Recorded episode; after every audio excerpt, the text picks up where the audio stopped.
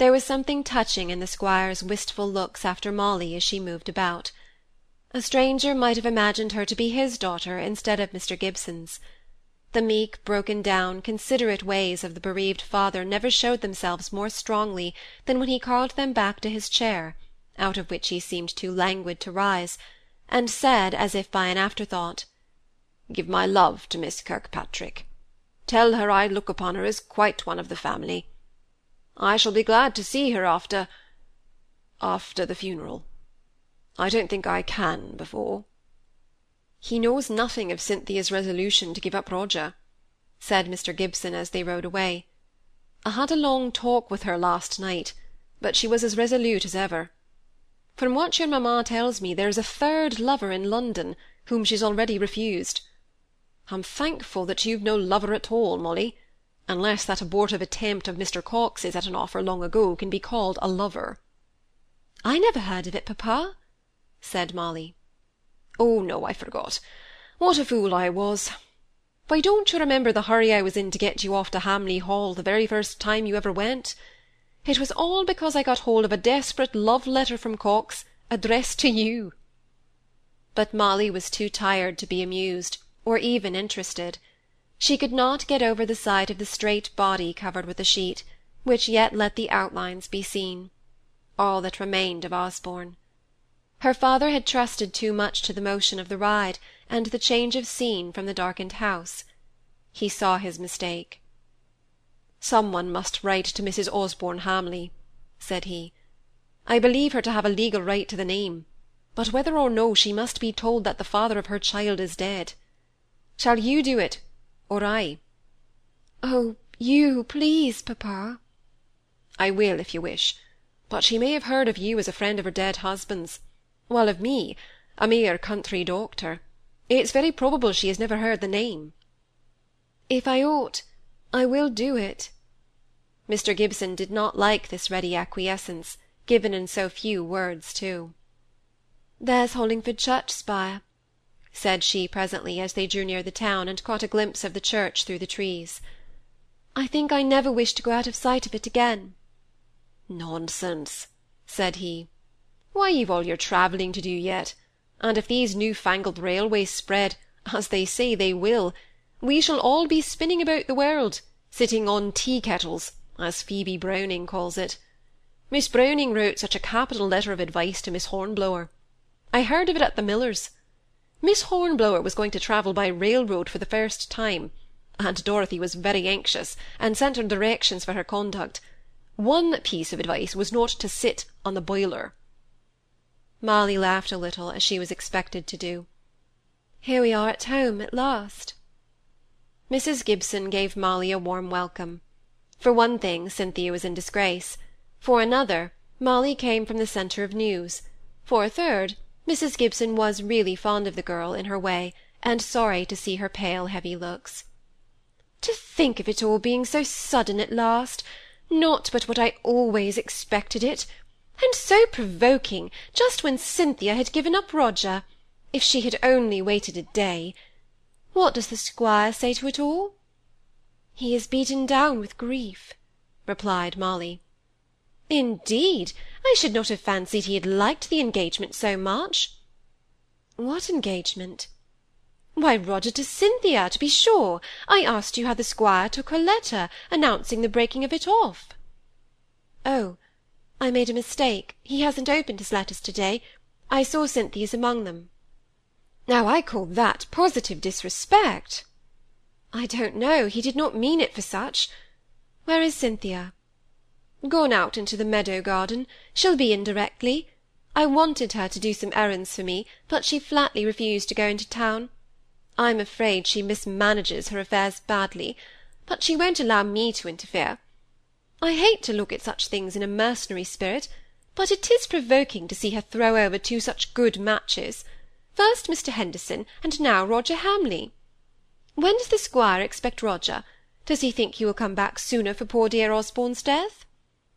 I don't know. He hardly seems to think of anything but Osborne.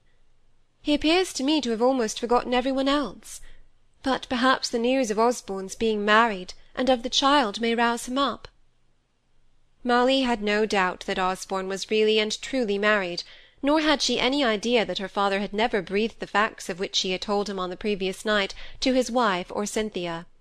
But Mr. Gibson had been slightly dubious of the full legality of the marriage, and had not felt inclined to speak of it to his wife until that had been ascertained one way or another. So Mrs. Gibson exclaimed, "What do you mean, child? Married? Osborne married? Who says so?" "Oh dear! I suppose I ought not to have named it. I'm very stupid to-day. Yes, Osborne has been married a long time, but the squire did not know of it until this morning. I think it has done him good, but I don't know. Who is the lady? Why, I call it a shame to go about as a single man, and be married all the time. If there is one thing that revolts me, it is duplicity. Who is the lady? Do tell me all you know about it, there's a dear. She is French, and a Roman Catholic, said Molly. French! They are such beguiling women, and he was so much abroad. You said there was a child. Is it a boy or a girl? I did not hear. I did not ask. Molly did not think it necessary to do more than answer questions. Indeed, she was vexed enough to have told anything of what her father evidently considered it desirable to keep secret. Just then Cynthia came wandering into the room with a careless, hopeless look in her face, which Molly noticed at once. She had not heard of Molly's arrival, and had no idea that she was returned until she saw her sitting there. Molly, darling, is that you? You're as welcome as the flowers in May, though you've not been gone twenty-four hours. But the house isn't the same when you are away. And she brings us such news, too, said Mrs. Gibson. I'm really almost glad you wrote to the squire yesterday, for if you had waited till to-day, I thought you were in too great a hurry at the time, he might have thought you had some interested reason for giving up your engagement. Osborne Hamley was married all this time unknown to everybody, and has got a child too. Osborne married! exclaimed Cynthia. If ever a man looked a bachelor, he did. Poor Osborne! With his fair, delicate elegance. He looked so young and boyish. Yes, it was a great piece of deceit, and I can't easily forgive him for it. Only think, if he had paid either of you any particular attention, and you had fallen in love with him! Why, he might have broken your heart, or Molly's either. I can't forgive him, even though he is dead, poor fellow. Well, as he never did pay either of us any particular attention, and as we neither of us did fall in love with him, I think I only feel sorry that he had all the trouble and worry of concealment. Cynthia spoke with a pretty keen recollection of how much trouble and worry her concealment had cost her. And now, of course, it is a son, and will be the heir, and Roger will be just as poorly off as ever. I hope you'll take care and let the squire know Cynthia was quite ignorant of these new facts that have come out when she wrote those letters, Molly. I should not like a suspicion of worldliness to rest upon any one with whom I had any concern. He hasn't read Cynthia's letter yet. Oh, do let me bring it home unopened, said Molly. Send another letter to Roger, now, at once. It will reach him at the same time. He will get both when he arrives at the Cape, and make him understand which is the last, the real one. Think, he will hear of Osborne's death at the same time. Two such sad things. Do, Cynthia. No, my dear, said Mrs. Gibson. I could not allow that, even if Cynthia felt inclined for it. Asking to be re-engaged to him!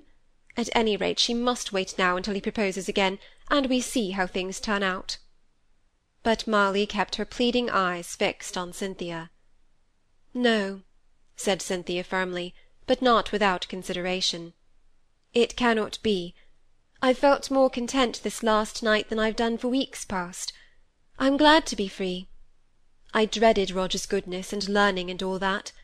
It was not in my way, and I don't believe I should ever have married him, even without knowing of all these ill-natured stories that are circulating about me and which he would hear of, and expect me to explain, and be sorry for, and penitent and humble. I know he could not have made me happy, and I don't believe he would have been happy with me. It must stay as it is. I would rather be a governess than married to him. I should get weary of him every day of my life.